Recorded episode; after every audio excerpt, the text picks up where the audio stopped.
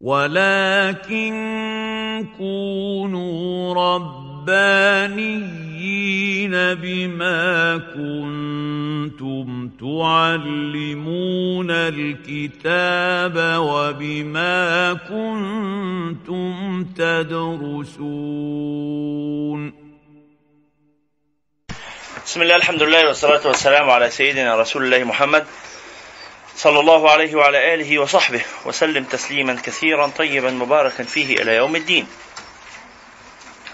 اللهم لا علم لنا إلا ما علمتنا فعلمنا يا رب ولا فهم لنا إلا ما فهمتنا ففهمنا يا رب.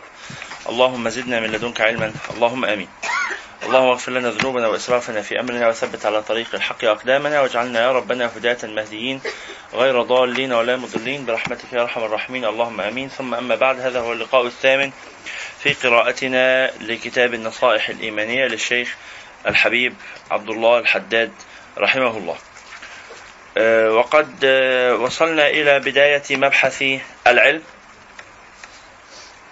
قال رحمه الله: واعلموا معاشر الإخوان من الله علينا وعليكم بالعافية واليقين وسلك بنا وبكم مسالك المتقين أنه لا بد لكل مسلم ومسلم ومسلمة من معرفة العلم فهو هنا يتحدث عن أهمية طلب العلم وأهمية التعلم ووجوبه على كل مسلم ومسلمة. قال ولا رخصة لأحد من المسلمين في تركه أبدا. ما هو؟ قال أعني العلم الذي لا يصح الإيمان بالله بالإيمان والإسلام بدون معرفته. وجملته العلم بالله ورسوله واليوم الآخر والعلم بما أوجب الله تعالى فعله من الفرائض وبما أوجب تركه من المحارم. وقد قال صلى الله عليه وسلم طلب العلم فريضة على كل مسلم ومسلمة. وقال عليه الصلاة والسلام اطلبوا العلم ولو بالصين والصين ما هو الصين؟ عشان لو حد ما يعرفش الصين يعني. فقال والصين إقليم بعيد من أبعد المواضع. وقليل من الناس الذي يصل إليه لبعده. كان هذا في زمانهم يعني. وحتى في زماننا هذا قليل من الناس يحب أن يذهب إلى الصين أو يذهب بالفعل إلى الصين. لبعدها الصين تأتي إليها. يعني بمنتجاتها وسلعها. لكن لا نذهب بأشخاصنا إليها.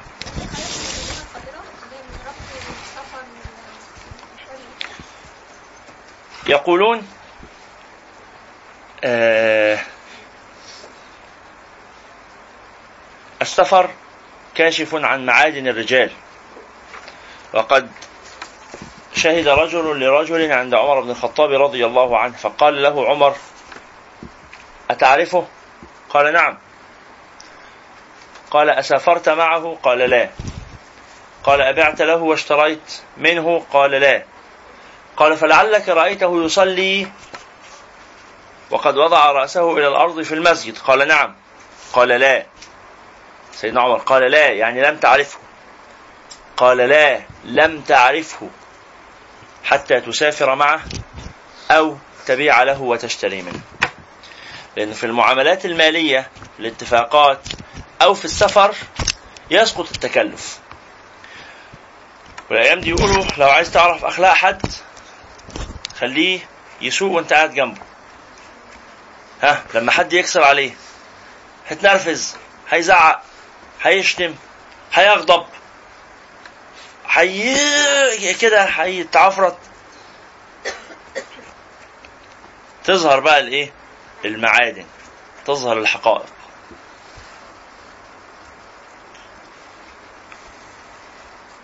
طيب وماذا بعد؟ الحياة ليست دار راحة هذا هو المعنى الذي يجب أن نتذكره دائما. الحياة ليست دار راحة لكنها أيضا لا ينبغي أن نحولها بشكل متعمد إلى مشقة. لو استطعت بقدر الطاقة ألا تنزل من بيتك فافعل. لو استطعت بقدر الطاقة ألا تذهب إلى مشاوير وتتحرك تحركات كثيرة فافعل. في إطار هذا الزحام وهذه الإيه المشاكل المرورية التي نمر بها لا تستنزف طاقتك متعمدا أو مختارا بل إن اضطررت إلى هذا اضطرارا فلكل اضطرار ما يناسبه والضرورات تبيح المحظورات قالوا والضرورات تقدر بقدرها. ما الذي يعني يذكرنا بهذا؟ أني أقول لكم اليوم الطريق الذي يستغرق ربع ساعة استغرق مني ساعتين وربع أو ساعتين ونصف تقريبا. والإنسان في هذه الأوقات يشعر بعمره يتفلت من بين يديه يعني الله سبحانه وتعالى آه، كما أخبرنا رسول الله صلى الله عليه وسلم يقول لا تزول قدم عبد يوم القيامة حتى يسأل عن أربع منهم عن عمره فيما أفناه. فيجاوب يقول على كبر أكتوبر؟ يعني هتكون إجابة آه، صعبة. فلا تفنوا أعماركم على كبر أكتوبر. طيب نعمل إيه؟ بقدر الإمكان. قبل ما تنزل اتخذ كل التدابير الاحترازية اللي تخليك تسلك الطريق السهل. أو إنك أصلا ما تنزلش لو تقدر. والمشوار اللي تعرف تقضيه بالتليفون اقضيه بالتليفون. والمشاوير اللي تعرف تجمعها جنب بعضها في يوم واحد جمعها جنب بعضها في يوم واحد. وإن ابتليت بالنزول والمواصلات وما إلى ذلك استغل وقتك في المواصلات. والله أنا أخرجت هذا الكتاب كتاب حياة الصحابة. فقرأت منه نحو ست صفحات. أثناء القيادة ثم أخرجت هذا الكتاب فقرأت ما يسر الله لي قراءته منه. ثم أجريت بعض يعني نقلت بعض النقول من هذا وأجريت اتصال هاتفي مع واحد من أساتذتي أخبرني بعدد من الأمور ولم أجد موضعا أكتب عليه فكتبت على يدي. لم يعني أستطع أن أمسك بالأوراق فجعلت المقود مثبت بواسطة قدمي ثبت المقود بقدمي وجعلت الهاتف آه، يعني على كتفي وكتبت ما أملأه علي الأستاذ. اجتهدت بقدر الطاقة ألا يكون هذا الوقت وقت ضائع لكن أيضا لم يكن لم تكن هذه الاستفادة القصوى. على كل حال فقط كانت مجرد خاطرة أذكركم ونفسي بألا تضيعوا أوقاتكم وأن تستثمروها بقدر الطاقة. فإن حال الإنسان مع أيامه وقد كتبت هذا مرارا حال الإنسان مع أيامه كحال رجل يبيع الثلج في يوم حار فهو يصرخ في الأسواق يقول ارحموا من رأس ماله يذوب أرجو أن تكتبوا هذه العبارة. وحال الإنسان مع أيامه وحال الإنسان مع أيامه كحال رجل. ليست معكم كراسة. آه طبعا. لو نسختين بقى الحال. يعني وحال الإنسان مع أيامه كحال رجل يبيع الثلج في يوم حار. فهو يصرخ في الناس يقول ارحموا من رأس ماله يذوب.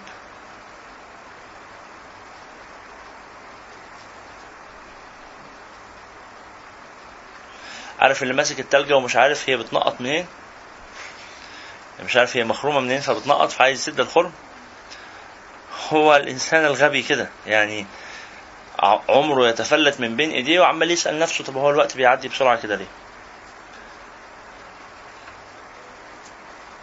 الله المستعان. طيب كيف يستغل الإنسان عمره في العلم أو في العبادة؟ هذا هو ما يبقى العلم والعبادة. أن تتعلم علما لوجه الله سواء كنت ستعلمه لغيرك أم لن تعلمه لغيرك ستعمل به أنت وحدك. أو مجرد معرفة كده في عقلك. العلم والعبادة. أي وقت ينفق في العلم أو في العبادة لا يكون ضائعا. أي وقت ينفق في أي شيء آخر هذا وقت ضائع وأنت مضطر لتضييع بعض الوقت. لكن اجتهد إن هذا الوقت الضائع لا يكون كثيرا. مضطر إلى الأكل ومضطر إلى الشرب ومضطر إلى النوم مضطر. عندك طبيعة بيولوجية بتفرض عليك احتياجات. فلا بد من تلبية نداء الطبيعة. لا بد من النوم ولا بد من الشرب ولا بد من الأكل ولا بد من الراحة لا بد. لكن اجتهد أن تجعل هذه الأشياء عند حدها الأدنى لأنها لن تبقى معك وإنما الذي يبقى معك هو العلم والعبادة. فلذلك قال الشيخ رحمه الله فإذا وجب على المسلم أن يطلب العلم وإن كان في هذا المحل البعيد فكيف لا يجب عليه إذا كان بين العلماء؟ ولا يلحقه في طلبه كثير مؤونة ولا كبير مشقة. فأما علوم الإسلام فترجع جملتها إلى قول رسول الله صلى الله عليه وسلم حين سأله جبريل عليه السلام في الحديث المشهور فقال أخبرني عن الإسلام. أظنكم آه، أغلب الحاضرين معنا حضرتم محاضرة المدخل إلى طلب العلم صحيح؟ من لم يحضر هذه المحاضرة؟ مين ما حضرش معانا محاضرة المدخل إلى طلب العلم. واحد اثنين ثلاثة أربعة خمسة. طيب هؤلاء الخمسة تكرموا بسماع تسجيلها أو بحضورها. لا أدري هل ستقام قريبا ربما. ربما تقام قريب. فإن أقيمت قريبا فاحضروها. وإن لم تقم قريبا فاستمعوا إلى تسجيلها. هي تسجيلها هي يعني دورة مصغرة مكونة من ست ساعات.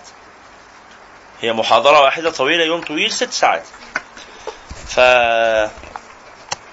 بعنوان المدخل إلى طلب العلم. ويشرح فيه هذا الكلام بالتفصيل.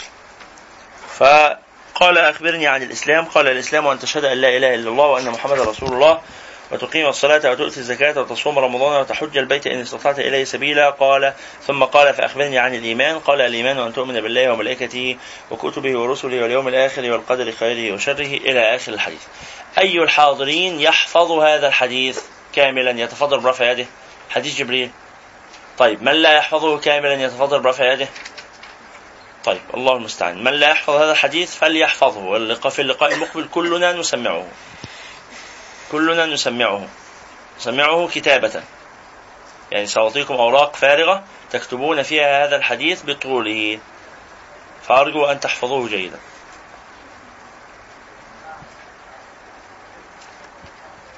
هذا حديث واجب الحفظ. وليس هذا الحديث فقط بل الأربعون النووية كلها واجبة الحفظ. كل الأربعين و 42 حديث جمعهم الإمام النووي رضي الله تعالى عنه وأرضاه وشرحهم أحاديث عليها مدار الإسلام. كلها أحاديث واجبة الحفظ. وهي أحاديث قصيرة. يعني هذا الحديث هو الحديث الطويل فيها. لكن باقي الأحاديث كلها إنما الأعمال بالنيات وإنما لكل امرئ ما نوى. حديث قصير. لأنه هو الإمام النووي رحمه الله اجتهد في جمع أهم الأحاديث التي تدور عليها الأحكام أو عليها الإسلام يقوم عليها الإسلام. أهم معاني الإسلام مجموعة في هذه الأحاديث. من باب إن اللي يحفظ بس ال 40 دول يبقى عارف أساسيات الدين. محاور الإسلام الأساسية. نعم. سهلين جدا سهلين جدا. لو قرأنا. لو قرأنا شرح ليهم بسيط جدا زي شرح الإمام النووي نفسه في, في شروح الأربعين النووية كذا شرح. أبسطهم شرح الإمام النووي. وبعد كده شرح مين؟ ابن دقيق العيد. وبعد كده؟ فاطمة. وبعد كده شرح الشيخ ابن رجب الحنبلي. شرح الشيخ ابن رجب الحنبلي. دي ثلاث شروح للأربعين نووية بالترتيب كده. من الأصغر للأكبر. من الأصغر للأكبر. أفضل الثالث آه، شرح آه، الإمام الحافظ ابن رجب الحنبلي. يبقى أبسط حاجة الأربعين النووية وبعد آه، أبسط حاجة شرح النووي بعد كده شرح ابن دقيق العيد وبعد كده شرح ابن رجب الحنبلي.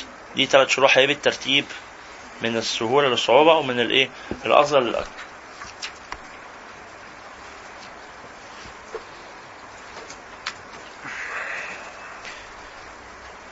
بس ابن رجب الحنبلي ما شرحش ال 40 بس ده زود عليهم كمان 8 من ال 40 نووية 42 حديث.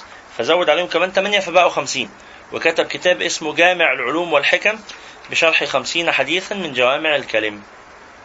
هو ده الشرح بتاع ابن رجب الحنبلي اسمه كده. جامع العلوم والحكم بشرح 50 حديثا من جوامع الكلم.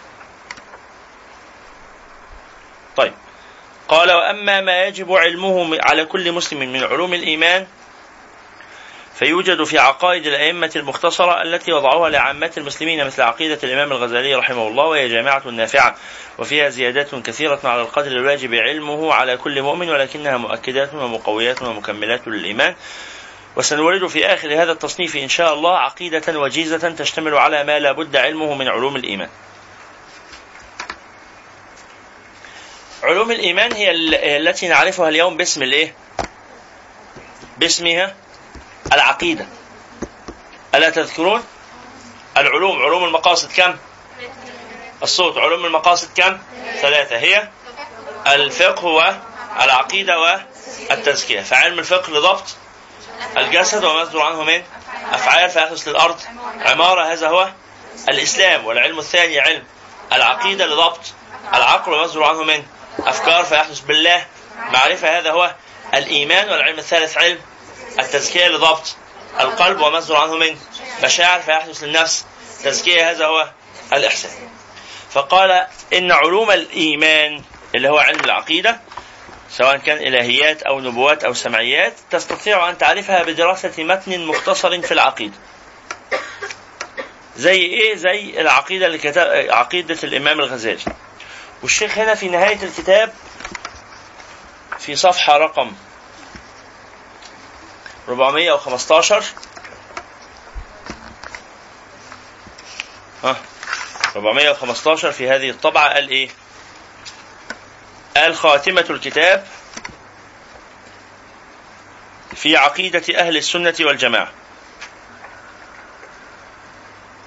عقيدة وجيزة جامعة نافعة إن شاء الله تعالى. على سبيل الفرقة الناجية وهم أهل السنة والجماعة والسواد الأعظم من المسلمين من المسلمين. عقيدة مختصرة جدا جدا. في كم صفحة؟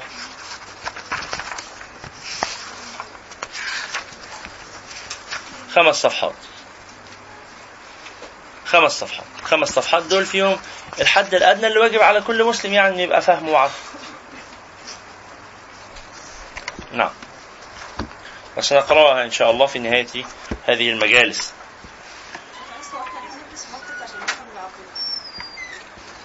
للعقيدة لدراسة العقيدة طريقتان.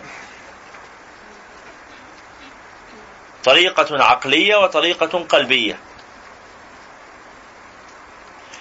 في عقيدة بمعنى درس العقيدة اللي هو علم الكلام. وفي عقيدة اللي هي غرس العقيدة وده علم الإيمان. وفارق بينهما كبير. فالأصل هو الإيمان ولا اللي هو غرس العقيدة؟ هل هذا هو الأصل ولا الأصل هو درس العقيدة؟ يا جماعة ردوا علي هل الأصل هو الغرس ولا الدرس؟ الغرس. هل الأصل هو التطبيق ولا الأكاديمية؟ تطبيق. لكن في هذا الزمان لما كثرت الشبهات بسبب المناهج الدراسية يعني كل الحاضرين معنا درسوا في الابتدائي وفي الإعدادي وفي الثانوي وفي الجامعة وربما في وسط هذه المناهج تسرب إلى عقولنا أشياء شوشت عقولنا. شوشت عقولنا متعلقة بمسألة العقيدة. فلذلك أصبحنا نحتاج إلى درس العقيدة. لو أننا على الفطرة ولسه لم نتعرض إلى مشوشات الحياة وما شفناش فلسفة وما سمعناش شبهات وكده كنا هيكفينا الغرس. لكن أصبحنا نحتاج مع الغرس إلى الإيه؟ الدرس والدرس يلزمه المنطق وصلت الفكرة؟ لكن لو هندرس العقيدة أهلا يا شيخ عمرو لو هندرس العقيدة اللي هي العقيدة البسيطة كما في القرآن والسنة مش هنحتاج المنطق معها وده اللي بيشرحه دلوقتي الشيخ محمد السيد الحنبلي في مصر الجديدة في فرع شيخ العمود في مصر الجديدة دي عقيدة بسيطة ومش محتاجة. نعم. ثم قال وأما علوم الإسلام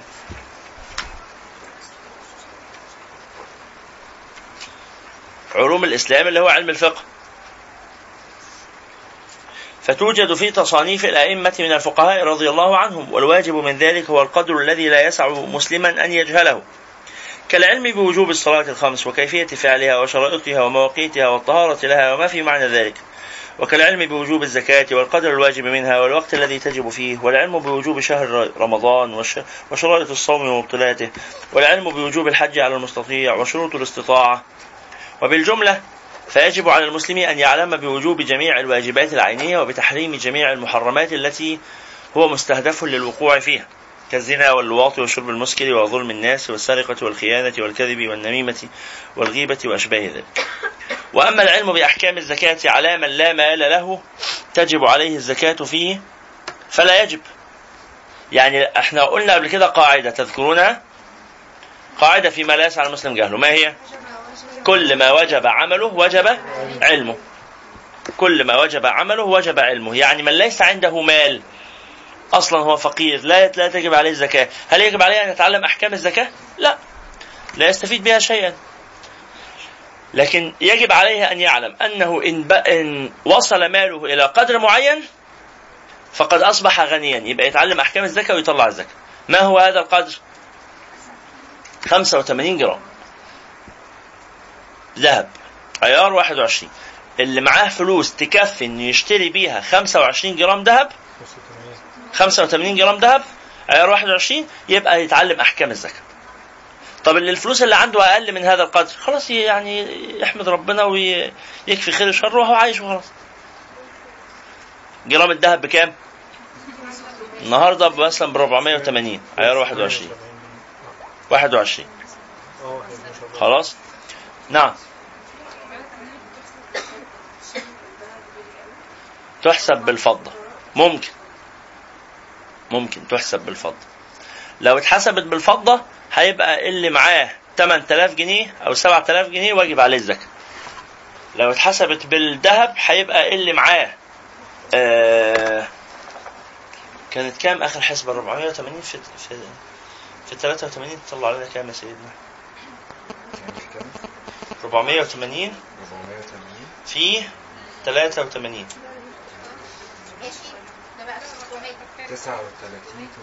39840 يعني 40000 تقريبا. عيار 21 ب 600 لا.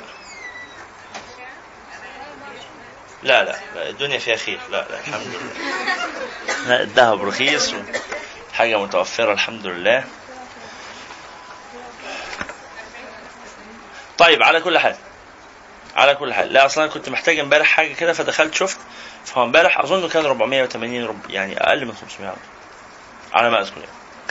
طيب على كل حال يا إخواني الكرام يبقى اللي معاه فلوس أقل من كده خلاص مش محتاج يتعلم. أنا كل اللي محوشهم في الحياة على بعض 45 جنيه.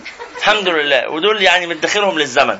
خلاص يعني ما هتطلع فيهم زكاه إيه؟ أنت مستحق للصدقة. خلاص؟ طيب اللي عنده شقة مثلا ملك واجب فيها زكاة؟ لا. عنده عربية؟ لا مش واجب فيها زكاة. عنده أي ممتلكات بيستخدمها أو حتى راكنها خلاص للزمن محوش خلاص بس محوش عقارات محوش ممتلكات غير الذهب وغير الفلوس مش واجب فيها الزكاة طالما إنها أعيان.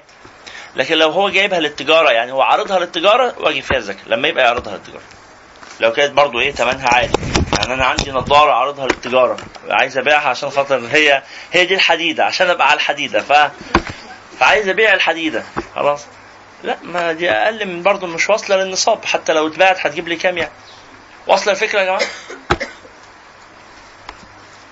قال وأما العلم بأحكام الزكاة على من لا مال له تجب عليه الزكاة فلا يجب فلا يجب عليه هذا العلم. وكذلك العلم بأركان الحج وشرائطه في نفسه لا يجب على غير المستطيع. ولا على المستطيع حتى يعزم على السفر أو الشروع في الحج. وأما العلم بوجوب الزكاة والحج على كل مسلم فيجب علم ذلك على الجملة. يعني لازم تبقى عارف إن في حاجة اسمها زكاة وإنها واجب عليك لو بقيت غني ولازم في حاجة اسمها حج وإنه واجب عليك لما تبقى مستطيع. لما تبقى مستطيع بقى وتقرر تخرج اتعلم ساعتها أحكام الحج يا صاحبي. وأما العلم بشروط البيع والشراء والمعاملات والنكاح فيجب على من أراد الدخول في شيء منها أن يعلم حكم الله تعالى فيه. لو سمحتوا اكتبوا هنا قاعدة خطيرة جدا. لا يجوز في كل المسائل دي كلها لا يجوز الإقدام على فعل حتى تعلم حكم الله تعالى فيه. لا يجوز لك الإقدام على فعل حتى تعلم حكم الله تعالى فيه.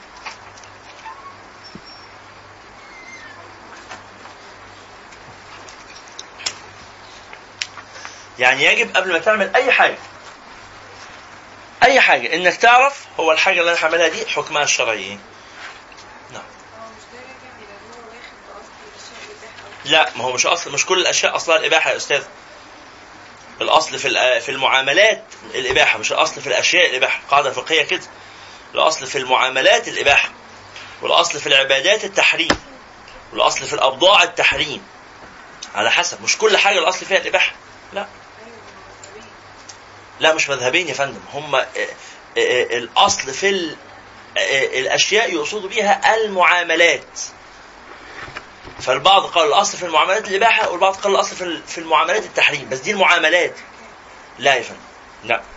العبادات في اتفاق على إن الأصل في العبادات التحريم. دي مسألة محل اتفاق. الأصل في العبادات التحريم يعني الأصل إيه؟ يعني إيه؟ يعني الأصل إن العبادة حرام إلا لما ربنا يشرع. لكن تخترع أنت كده عبادة؟ والله أنا هعبد ربنا عن طريق إن أنا هقف أعمل كده كل يوم خمس ساعات. أنا كده ببقى كويس مبسوط. أنا كده ده روحي بتصفو وتنقى. هخترع عبادة؟ وما الأصل في الأشياء اللي هل ورد دليل شرعي على إن التعبد بالطريقة دي حرام شرعا؟ عندك دليل يا شيخ عمرو؟ ما عندكش. خلاص يلا يا شيخ عمرو نتعبد. الأصل في العبادات التحريم. وهكذا. فيجب قبل أن تقدم على أي أمر أن تعلم حكم الله تعالى فيه. عشان تبقى مقدم عليه على بينة. طب هل ده معناه انك يعني هتفضل طول النهار تستفتي قبل ما تاكل تستفتي وقبل ما تشرب تستفتي؟ لا. ما هو انت مش كل حاجة بتعملها في كل لحظة بتبقى حاجة جديدة. صح ولا إيه؟ انت بتعرف حكم الحاجة لما تكون بتعملها لأول مرة. لما تكررها بعد كده. خلاص ما هي هي بقى.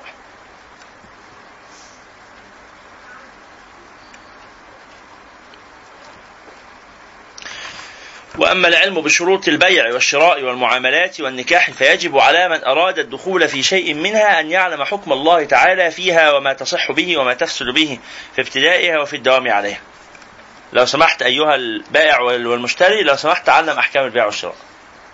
لو سمحت أيها المتزوج تعلم أحكام الزواج. لو سمحت أيها الأب تعلم أحكام التربية، لو سمحت أيها المدرس تعلم أحكام التدريس. وهكذا. لا بد له من ذلك يعني لا مخرج. وإلا وقع فيما يسخط الله عليه شاء أم أبى. فإن الجاهل متعرض بجهله لسخط الله وللوقوع في الهلاك على كل حال. وكيف لا يكون كذلك؟ وربما يعتقد في بعض الواجبات أنها من المحرمات أو أنها ليست بواجبة. وفي بعض المحرمات أنها من الواجبات أو أنها من الطاعات أو أنها ليست بمحرمة. أنتم منتبهين يا إخوانا للمعنى؟ يعني ربما يقدم على الأمر الحرام وهو لا يعلم أنه حرام. ويترك الأمر الواجب وهو لا يعلم أنه واجب فيقع في حرج عظيم جدا. وفي ذلك غاية الخطر. على حسب الحال. يعذر بجهله إن كان بعيدا عن مواضع وجود العلماء. واحد عايش في أمريكا في أوروبا لا يجد علماء حاولوا يسألهم مثلا ليس عنده إنترنت إلى آخره يعذر بجهله في هذه الحالة. لكن إنسان قادر على أن يصل إلى العلماء لا لا يعذر بجهله. وربما وقعوا بسبب جهلهم في أمور تشبه الكفر أو هي الكفر بعينه. كما يعرف ذلك من تأمل أحوالهم واعتبر أفعالهم وأقوالهم. وليس يعذرهم شيء وليس يعذرهم الله في شيء من ذلك. فإنه سبحانه قد فرض عليهم طلب العلم ويسر لهم الأسباب. وأوجب على العلماء تعليمهم. فتقصيرهم بعد ذلك كله اشتغالا بالدنيا واتباعا للهوى يزيدهم عن الله تعالى بعدا. ويوجب لهم عنده مقتا وطردا. هذا واضح صحيح؟ ثم قال وهذا كله في العلم الواجب الذي لا يسع أحدا من المسلمين أن يجهله. ما لا يسع المسلم؟ جهله والعجب أنك ترى الجاهلة المغرورة لا يفتر عن طلب الدنيا ليلا ونهارا ولا يزال متكالبا عليه متكالبا عليها شديد العناية بجمعها ومنعها والتمتع بها ويقيم لنفسه الأعذار الكثيرة على ذلك ثم تجده جاهلا بأمر دينه. لم يطلب علما ولم يجالس عالما ليتعلم منه قط. الحمد لله هذا الكلام يعني آه، أحسب أن أغلب الحاضرين بفضل الله سبحانه وتعالى علينا وعليهم يعني آه، قد تفطنوا له. قد تفطنوا لأنهم يجب عليهم أن يتعلموا وإلا لما جلسوا هنا. ولكن يجب عليهم أن يلفتوا نظر إخوانهم الذين لم يفكروا في التعلم. والله يعني أحيانا نقابل ناس عندهم خمسين وستين سنة ما خطرش في باله أصلا إنه كان المفروض يتعلم. وبس لو كان حد لفت نظره كان ممكن وضعه يختلف. تفهمون هذا المعنى يا إخواني؟ نعم يا أستاذ الاء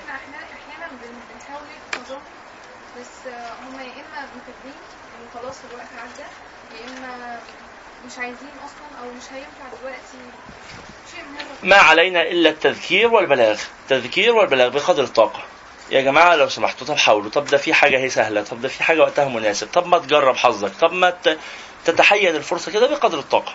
نعم.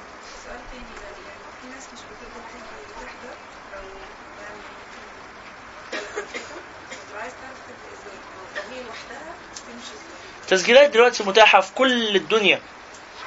كل أي أي درس بيتسجل مش هنا في أي مكان. كل الدروس في كل الحتت تسجل وتترفع. نبعت لهم تسجيل مناسب يبدأوا بيه. زي إيه؟ زي آه، المدخل إلى طلب العلم. أو ما لا يسعى المسلم جهله. دورة ما لا يسعى المسلم جهله أو محاضرة المدخل إلى طلب العلم. بتاعت باشمهندس أيمن؟ نعم. نعمل إيه مع الفاهمين أو فاكرين ان هم عارفين كل حاجة. لا خلاص يعني هذا لا هادي له إلا الله يعني. ملوش حل ده. اللي مفكر نفسه عارف وهو في الحقيقة جاهل ده ملوش حل. إلا أن ندعو الله تعالى له. نعم بتقول لنا اللي هيقدم على حاجة يعرفها طب قلت اللي هيدرس فيعرف أحكام التدريس نعم؟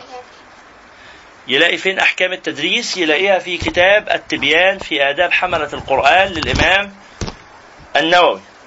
وإن شاء الله لو أعاننا الله تعالى ومد في عمرنا فسنعقد عدد من اللقاءات بعنوان آه، أحكام المدرس الفقهية وأحكام الطبيب الفقهية وأحكام المهندس الفقهية وأحكام المحاسب الفقهية ونحو هذا. سنجتهد إن شاء الله إن مد الله تعالى في عمرنا أن نفعل هذا. اسم الكتاب مرة أخرى كتاب آه، التبيان في آداب حملة القرآن للإمام النووي.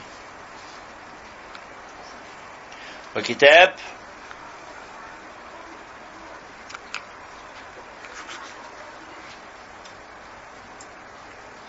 الفقيه والمتفقه. للبغدادي. الفقيه أدب الفقيه والمتفقه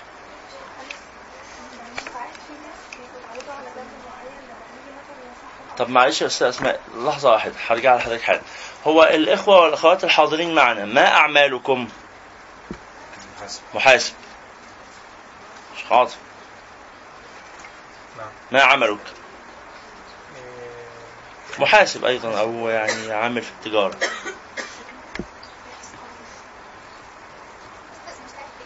فتح الله لكم ترجمة.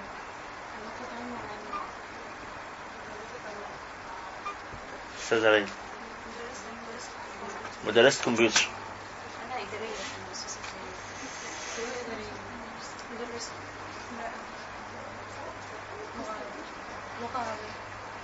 يعني إيه لغة عربية؟ آه أنا ظننتك تشتغلي لغه عربية يعني. ها. طالبة في أي أداب علم نفس. محاسبة. ترجمة. مترجمة. هندسة. ومن بعدها؟ صيدلة. لا تعملين. مدرسة. حاسبات. لا تعملين. تمام. تمام. تمام. تمام. تجارة. أستاذ أسماء.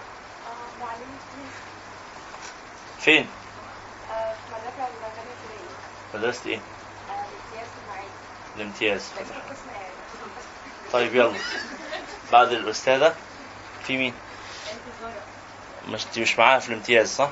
لا الباقي بقى من أول فين؟ من أول حضرتك اتفضلي.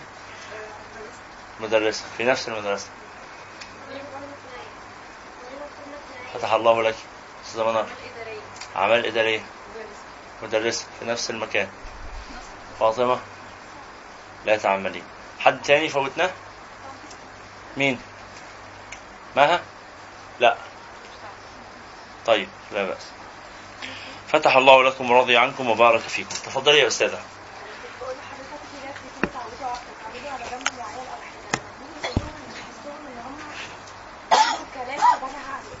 ان أنا ان أنا ما يبقاش الكلام مؤدي إلى مزيد عناد ولا تسبوا الذين يدعون من دون الله فيسبوا الله عدوا بغير علم. طبعا لا تفعلي. يعني أختها بتقول أنا أخاف. إن نصحتهم أن يعاندوا في المزيد من فع- فعل هذا الفعل أمامي من باب الإيه؟ العند يعني. طبعا لا تذكريهم ولا تخبريهم وادعوا لهم ربنا يهديهم. لكن أقيمي عليهم الحجة مرة واحدة على الأقل. إنك بس يعني نبهيهم إلى أن هذا حرام وإنه أقوال أهل العلم في ذلك وأتيهم بما يعني بداية الطريق على الأقل هما كده لما هيعملوا هيبقوا بيعملوا بياخدوا سيئات لكن لو بيعملوا حاجة هم مش عارفين هيعني لا لا لا بس على الأقل يعني آه، لا يخاصمونك إمام الله تعالى يوم القيامة إنك لم تخبريهم. ما يقولوش والله يا رب ما حدش عرفنا لا أهو عرفتكم أختكم.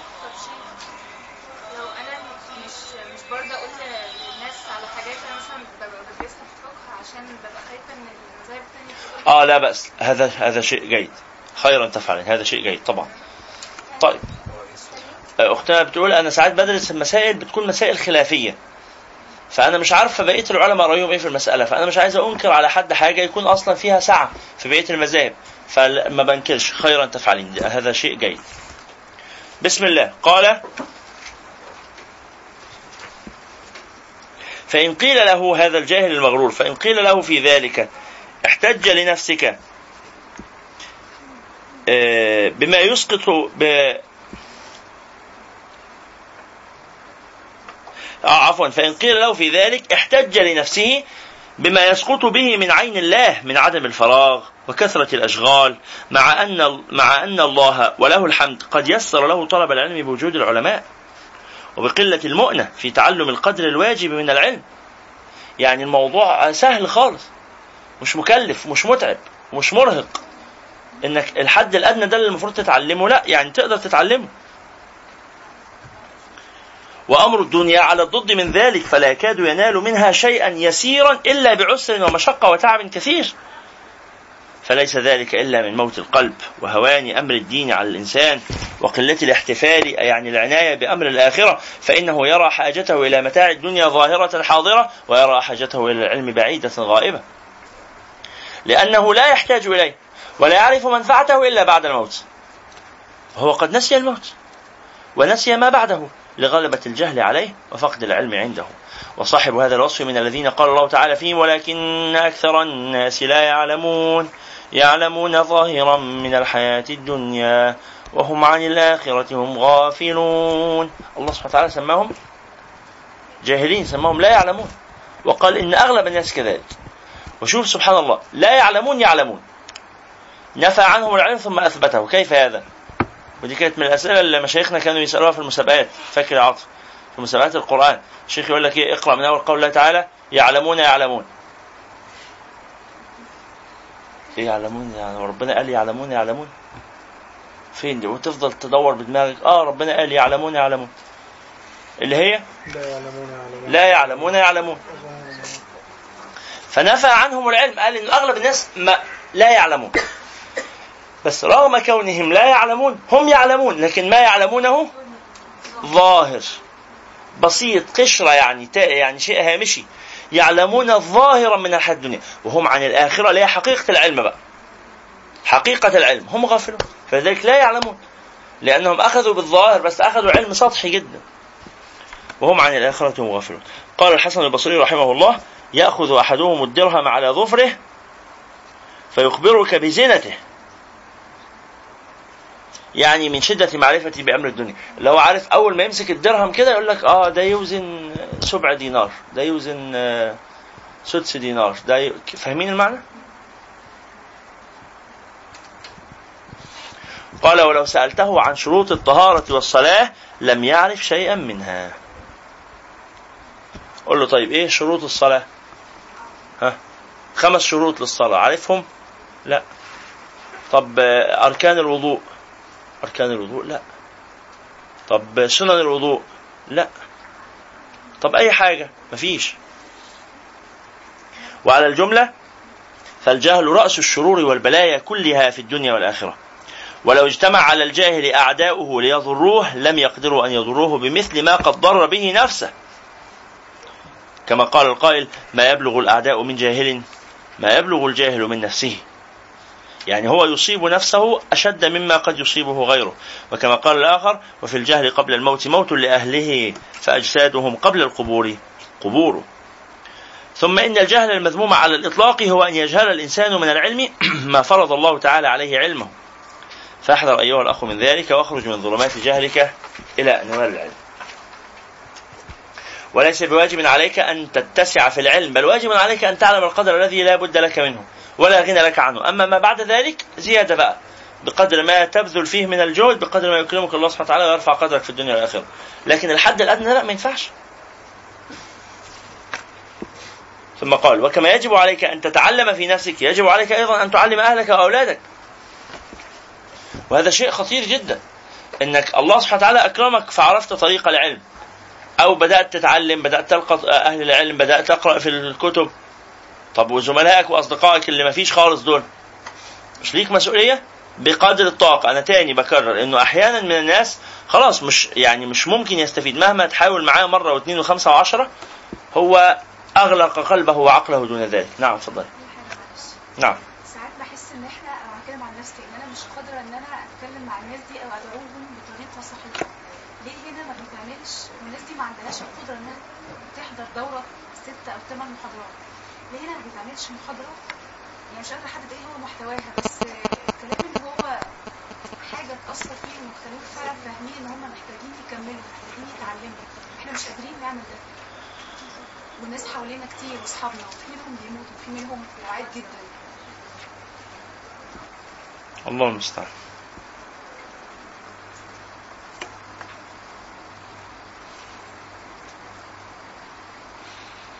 الله المستعان. بقدر الطاقة والله تعالى يقول لا يكلف الله نفسا إلا وسعها. نبذل بقدر الطاقة إن شاء الله. محاضرة آه، المدخل إلى طلب العلم تؤدي هذا بس في الناحية العلمية.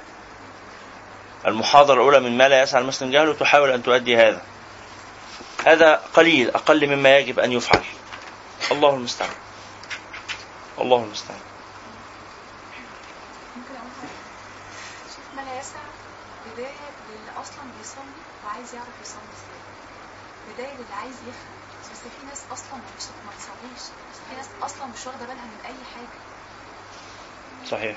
وإحنا يعني قمة العجز ان إحنا نحاول نتكلم معاهم أو نقول لهم ما نملكش أي حاجة نقولها لهم. الله المستعان.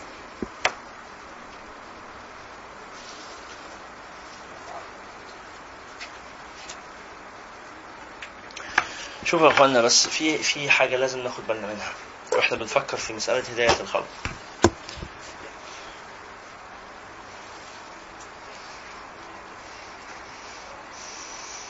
كتير بيجي لنا حد يقول والله أنا أخويا أو قريبي ابن عمي ابن خالي بيلحد أو في طريق الإلحاد أو ألحد. وأنا عايز ألحقه. طيب وبعدين؟ هات نتكلم معاه. لا ما هو اصله رافض النقاش. رافض يسمع. طب إيه؟ عايز إيه؟ عايز ألحقه. مش تلحقه. مش هو رافض؟ أنتوا مستوعبين المعنى؟ خلاص هو رافض. لما يحب أهلا بيه. نحاول. معاه. بس هو رافض.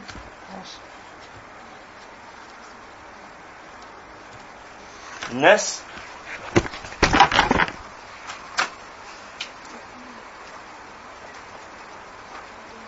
مع الدين والعلم نوعين. إما طالب وإما رافض. والرافض نوعين. لشبهة أو لشهوة. والطالب نوعين. على بصيرة أو على جهل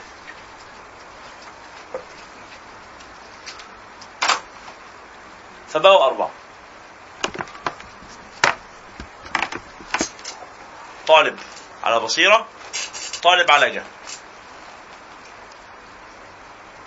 ورافض لشبهة ورافض لشهوة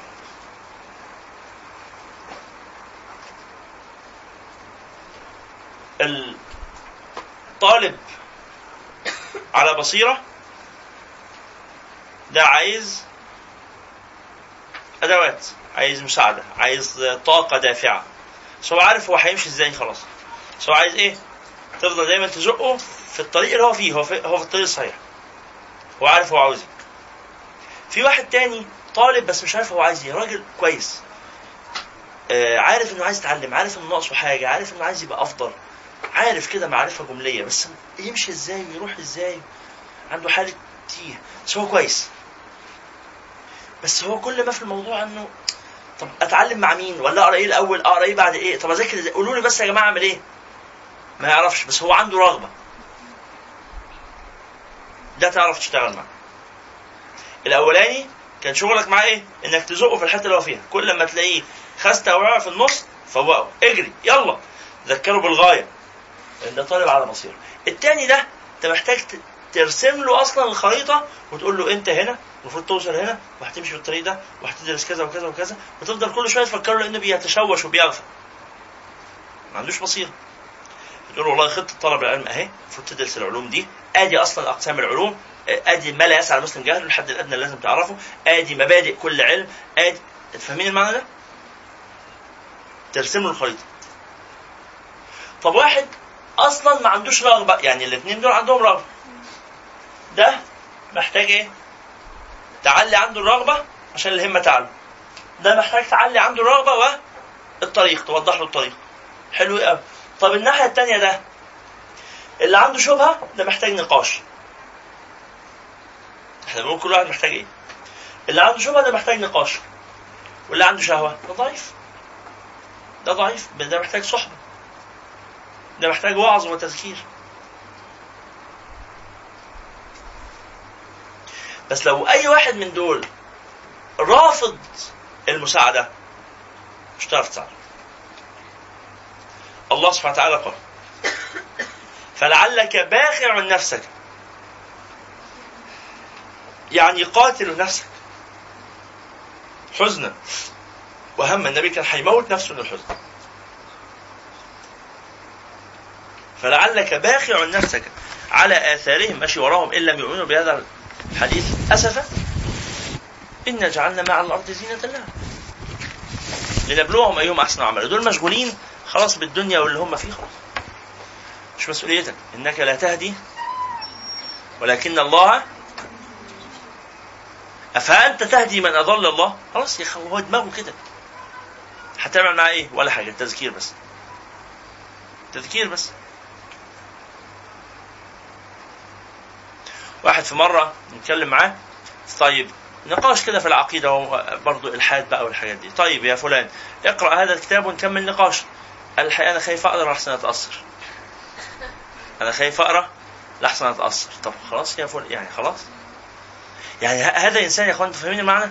مستحيل توصل معاه لحاجة. يعني أنت جاي واخد قرار بإن أنا مش عايز. والله بنحاول إحنا عايزين عايزين جوه بس ما لا يسع تقيل عليه محتاجين حاجة قبل ما لا يسع بس محتاجين بس نكلمهم ندعيهم هم يصلوا محتاجين مش عارفة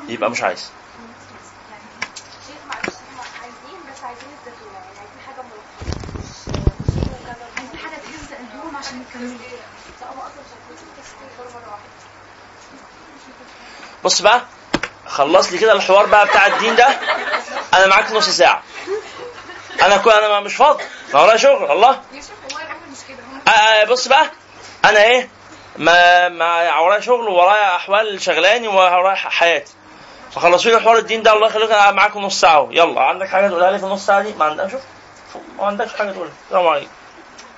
لا والله الأمر مش كده يا شيخ. الأمر إن الناس دي أحيانا كتير ما- ممكن يعني ناس كتير منهم ما يكونوش كملوا تعليم أصلا. فالكلام اللي هيتقال في ما لا يسعى أساسا تقيل إن هو ما يفهموش. يعني هو مش هيوصل لهم. هو كده الحالات بتختلف. آه. كده الحالات بتختلف. رحنا في مرة وعملنا عنده. عملنا لما لا يسعى المسلم قالوا في العشوائيات مدينه نصر. الناس اللي مش عارفين يقروا ويكتبوا خلاص. فالحالات مختلفة زي ما أنتم بتقولوا بالظبط. فبالتالي بنعمل إيه؟ بنسدد ونقارب ونستعين بالله سبحانه وتعالى ونقول والله يا رب إحنا بنعرف بنعرف نشتغل مع هؤلاء الناس. وشوية من دول. طب دول ودول الله سبحانه وتعالى يتولاهم. ما في غيرنا. يعني إحنا مش إحنا بس اللي في العالم. فاهمين المعنى يا إخوانا؟ يعني ما يجيش حد يقول أنتوا بتعملوا إيه مثلا مع مشكلة آه، الأطفال. ليه مش عاملين مشروع للأطفال؟ مش الأطفال دول بيضيعوا؟ مش لازم تعملوا مدارس لتعليم الأطفال؟ مش لازم نلحق الأطفال؟ آه لازم طبعا لازم. بس مفيش قدرة. طب نعمل إيه؟ تعملوا إيه في الم- المسلمين اللي عاملين يغرقوا في البحار عشان مش لاقيين فرص عمل؟ أنتوا ليه ما توفروش للناس فرص عمل؟ وفروا للناس فرص عمل. خلاص. فالله المستعان. نسأل الله التيسير. نسأل الله التيسير. قال وكما يجب عليك أن تتعلم في نفسك يجب عليك أيضا أن تعلم أهلك وأولادك. وكل من لك ولاية عليه. فإن لم تقدر أن تعلمهم كان عليك أن تأمرهم بالخروج إلى أهل العلم حتى يتعلموا منهم القدر المفروض منه. وإلا أثمت وأثموا أعني يأثم منهم من كان مكلفا. الأطفال خلاص معذورين. والقدر الواجب من العلم على كل مسلم ليس بكثير.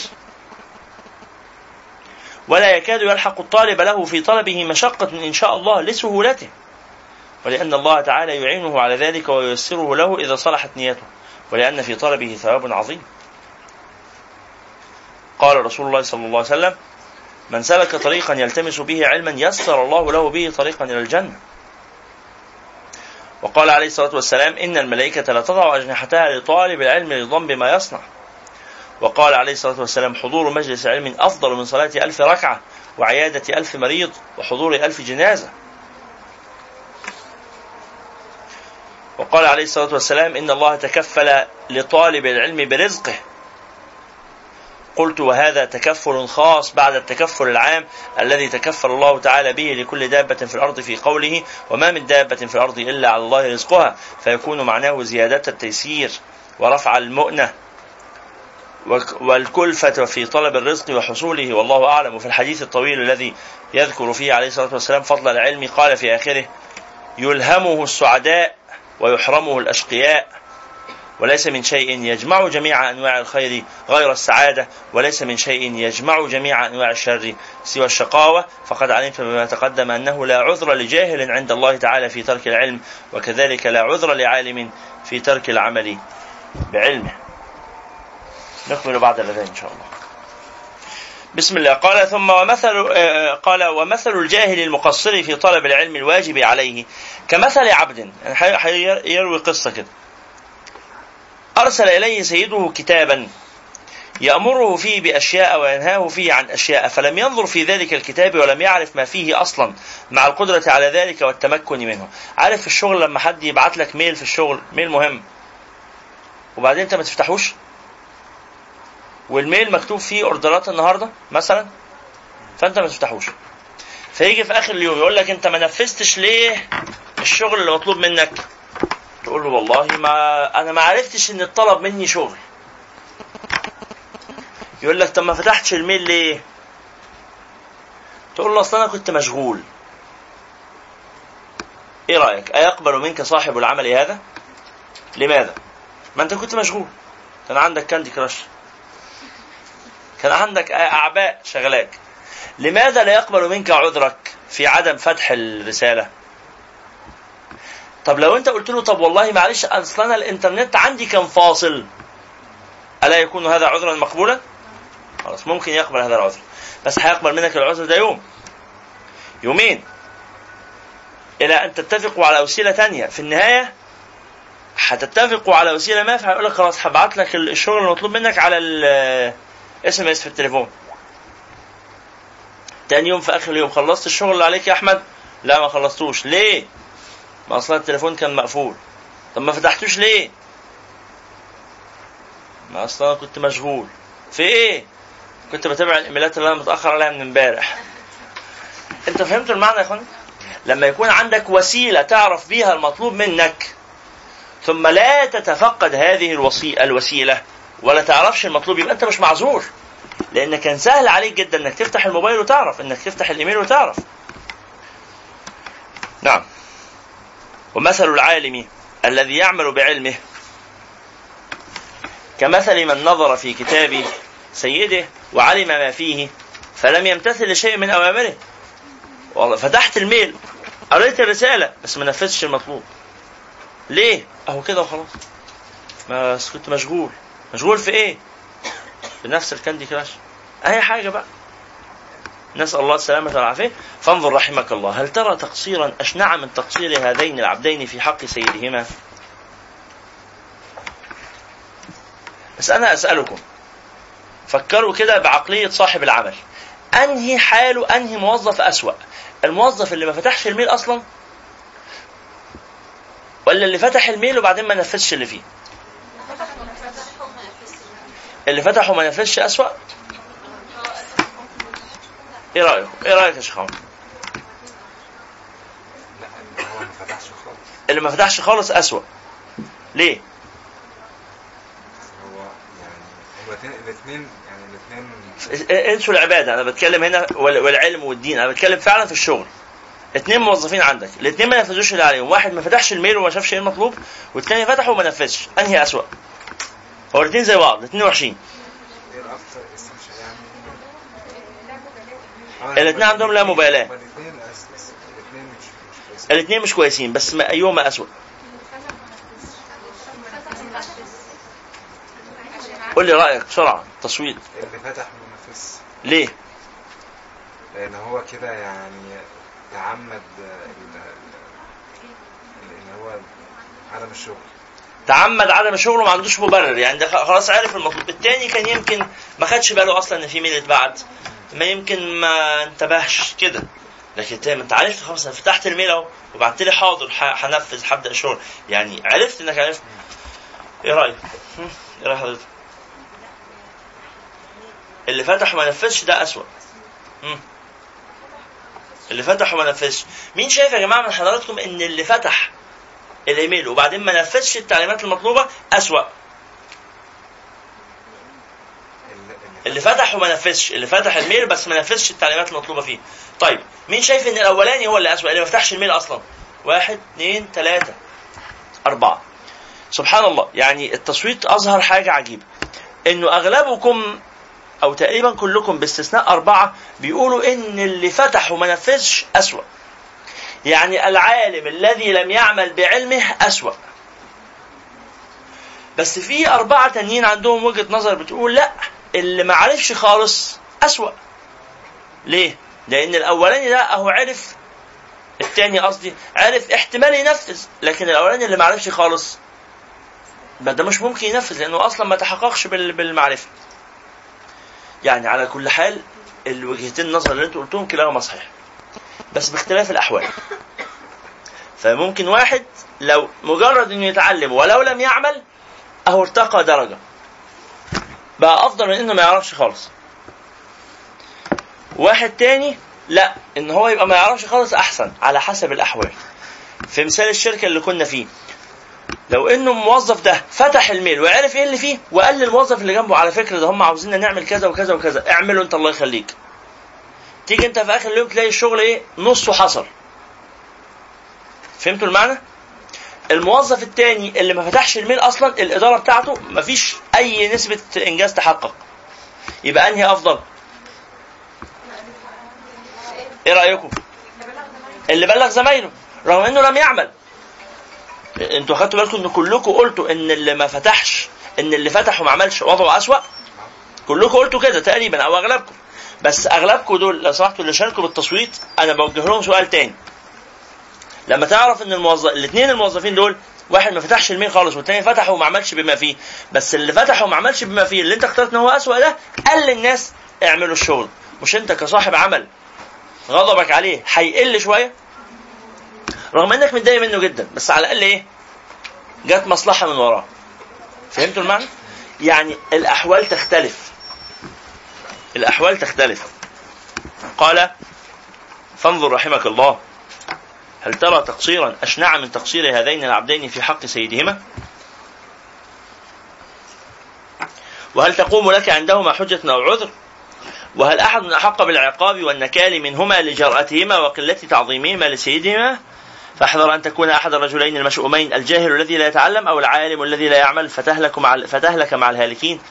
وتخسر الدنيا والدين وذلك هو الخسران المبين.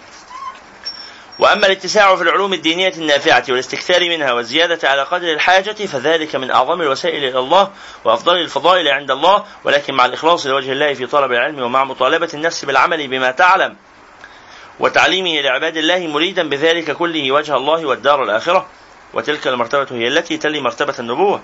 وجميع مراتب المؤمنين أنزلوا منها فإن العلماء العاملين هم الواسطة بين رسول الله وبين المسلمين.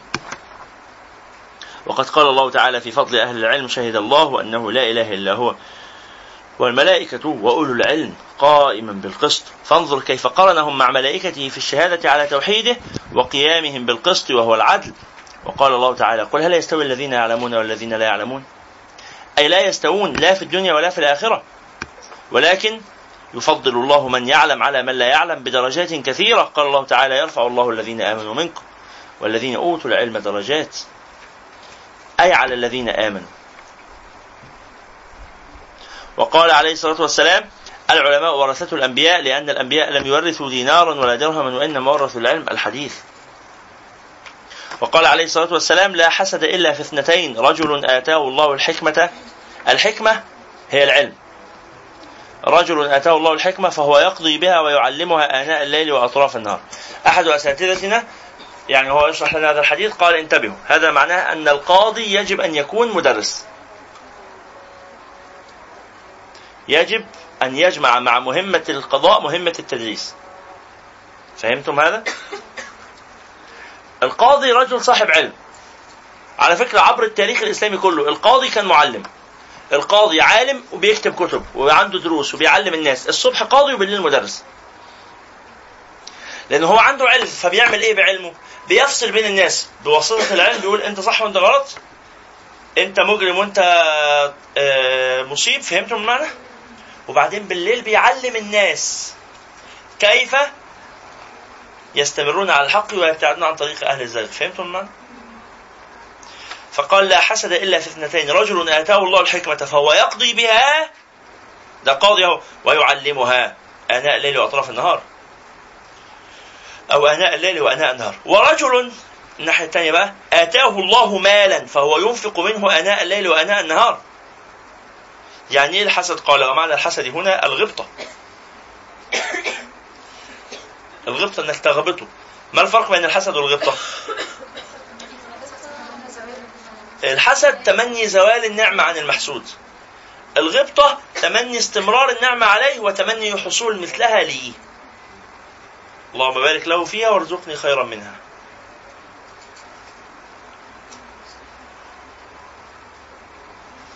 ومعنى الحسد هنا الغبطة وهي محمودة في أمور الآخرة. وقال عليه الصلاة والسلام فضل العالم على العابد كفضلي على أدنى رجل من أصحابي وفي رواية أخرى كفضل القمر ليلة البدر على سائر الكواكب. فإذا كان فضل العالم على العابد بهذه المثابة مع أن العابد خد بالك ما هو العابد ده برضه عنده علم. قال مع أن العابد لا يخلو عن علم بعبادته ما هو عابد فهو عنده علم يتعبد به. ولولا ذلك لم يسمى عابدا. فكيف يكون فضل العالم على الجاهل؟ أنتم منتبهين يا أخوانا؟ إنه في واحد عالم واحد عابد وواحد جاهل. النبي عليه الصلاة والسلام لم يقارن بين العالم والجاهل لأن المقارنة دي صعبة قوي بعيدة جدا. قارن بين مين ومين؟ العالم والعابد. طب ما هو العابد هو كمان عالم.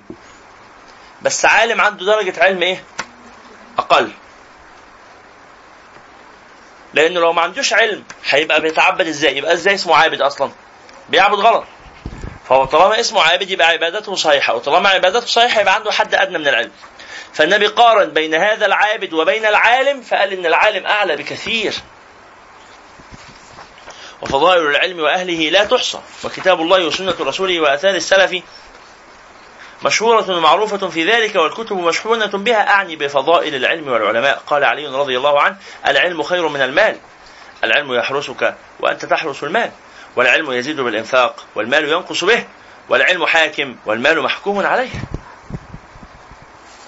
يعني الآيات والأحاديث والنقول في فضل العلم كثيرة جدا ومهمة جدا. سيتعرض بعد ذلك إلى أهمية العمل بالعلم ثم في الصفحة التي بعدها يواصل الكلام على مسألة أن يكون العالم حريصا على اتباع حريصا على عدم اتباع الرخص بل يكون آخذا نفسه بالعزائم. ثم يتحدث عن العالم المنافق والعياذ بالله. عالم عنده معلومات لكنه لا يستعملها في مرضاة الله. ثم يتحدث عن فضل عن علامات العالم العامل. فيقول إذا أردت أن تعرف إذا كان هذا الإنسان عالما حقا أم لا فانتبه إلى هذه الصفات ومدى تحققها فيه.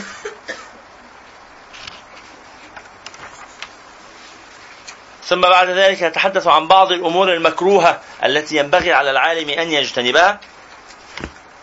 ثم يتحدث عن آداب العالم والمتعلم في مخالطة الناس. ثم يتكلم عن العالم عندما يعلم الناس صفحة 107 وينبغي للعالم إذا جاءه من يطلب العلم أن ينظر فيه. فإن كان متفرغا ومتأهلا لفهم العلم فليأمره بقراءة الكتب وإن كان عاميا يقصد أن يتعلم ما لا بد له من العلم فليلقنه ذلك تلقينا إلى آخره. ثم يتحدث عن أهمية نصح الناس بالعلم ثم أخيرا يتحدث عن أهم صفات العالم وآدابه وينتهي بذلك من مبحث العلم. هذه الصفحات العشر تقرؤونها مشكورين مع ما ستقرؤونه من مبحث التقوى. يبقى لو سمحتم تكرموا بإتمام قراءة مبحث التقوى وبإتمام قراءة مبحث العلم. وإذا واجهتكم في ذلك مشكلة أرجو أن تضعوا عندها علامة. علامة في هامش الصفحة أنه هذه الفقرة وهذا السطر واجهتنا فيه مشكلة. في اللقاء المقبل إن شاء الله نعلق على المشكلات نسمع منكم المشكلات التي واجهتكم. في مبحث التقوى أو في مبحث العلم لنعلق عليها ونبدأ مباشرة في مبحث الصلاة بإذن الله سبحانه وتعالى. الآن هل في سؤال؟ يا شيخ ناول هذا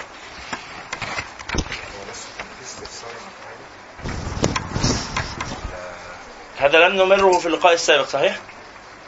ولا ما مررناه؟ مررناه؟ طيب يلا سريعا قل يا شيخ سؤال بالنسبة الفقهية بتاع الشخص الرافض الرافض نعم عندي بقى سؤال في؟ إن في مشايخ ازهريه بيرفضوا إن الناس تسمع لل- للناس اللي هي زي عمرو خالد ومصطفى حسني والناس دي. طيب شوف يا إخوانا أخونا بيسأل سؤال في منتهى الخطورة والأهمية. في منتهى الخطورة والأهمية.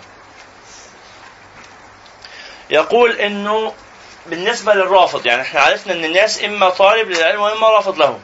إما طالب للحق وإما رافض له. فبالنسبة للرافض ده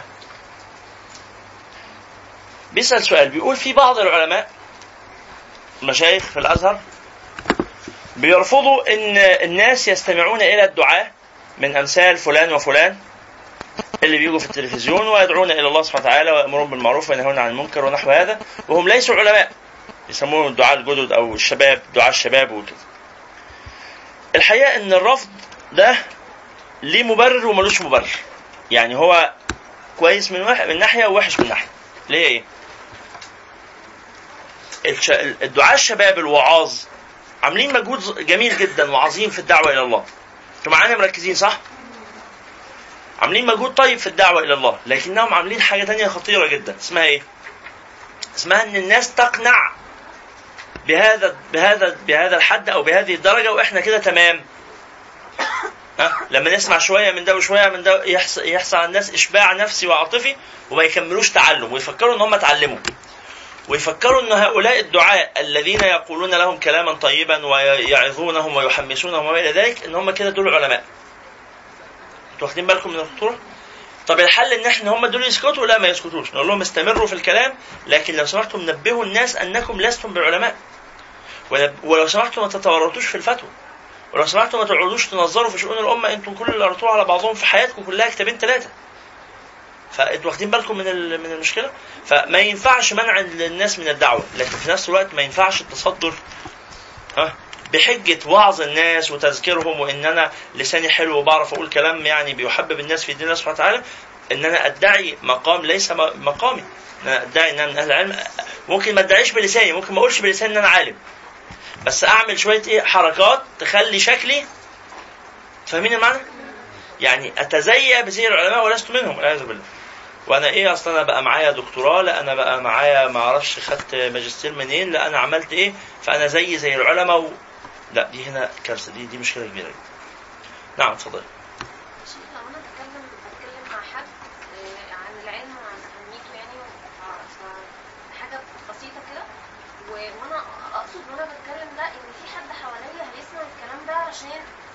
مش هعرف أدخل له غير بالمدخل ده إن هو يسمع لا. حد. يعني يعني أنا بتكلم مع حد في حد تاني سامعني فهو أنا أقصد إن أنا وأنا بتكلم مع ده هو كمان يسمعني طيب ما الإشكال هو لما سمعني قال آه، ما تست تستشيخيش مثلا لا لا لا هذا هذا من السخرية التي لا ينبغي أن نعيرها انتباها.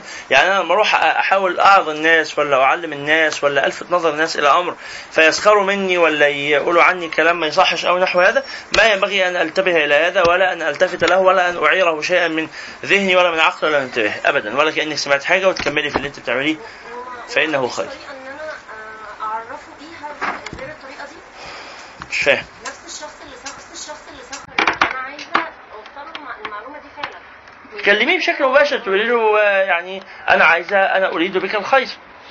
آه، والله أنت اللي بتقوله ده غلط اللي بتقوله ده جهل اللي بتقوله ده وعايز تتأكد من صحة كلامي اقرأ كتاب كذا أو تعالى نتناقش أو إلى آخره.